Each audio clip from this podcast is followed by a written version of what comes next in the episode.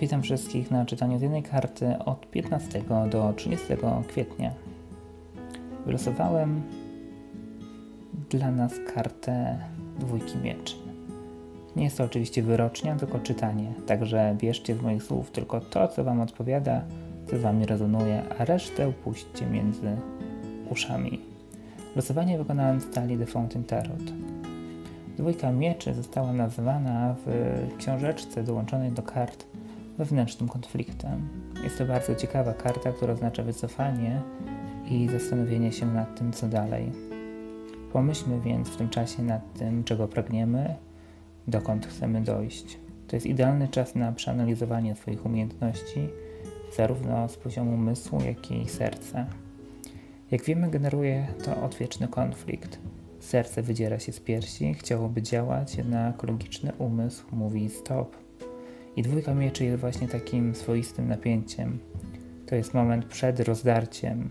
Jeszcze jesteśmy w stanie uspokoić swoje emocje i umysł, chociaż już czujemy napięcie. Rodzi się w nas wewnętrzny konflikt.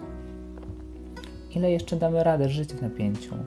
Ile czasu jeszcze możemy powściągać swoje serce umysłem? Ile jeszcze musimy wyśnić marzeń, zanim staną się rzeczywistością? Dwójka mieczy, odnosząc do naszej sytuacji związanej z koronawirusem, pokazuje, że zarówno chcielibyśmy wyjść, zacząć normalnie żyć, bo przecież pamiętamy, jak było przed czasem kwarantanny. Pogoda robi się coraz piękniejsza i zachęca nas do skorzystania z uroku wiosny. Jednak umysł czuje lęk i wzbrania nasze chęci. Chcemy zacząć żyć normalnie, ale się boimy. Wprowadzane są nowe zakazy, jak na przykład obowiązkowe nos nos noszenie maseczek.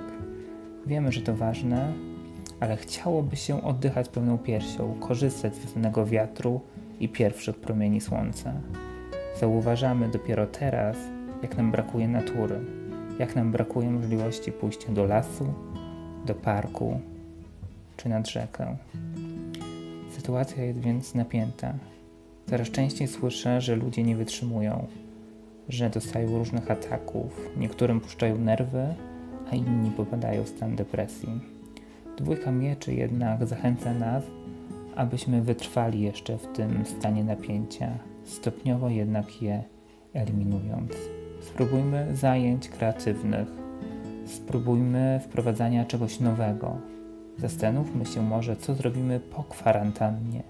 Przeanalizujmy rzeczowo swoją sytuację zawodową.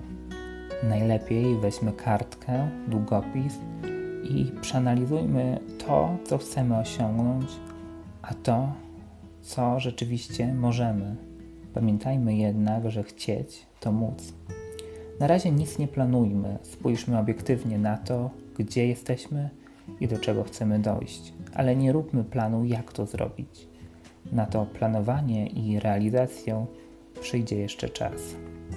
Dwójka mieczy też pokazuje, abyśmy wstrzymali się z wszelkimi osądami. Jest to raczej czas przyjmowania i analizowania różnych hipotez. Obserwujmy więc, co się dzieje dookoła nas, ale nie wyrokujmy. Bądźmy jak nasz były prezydent za, a nawet przeciw.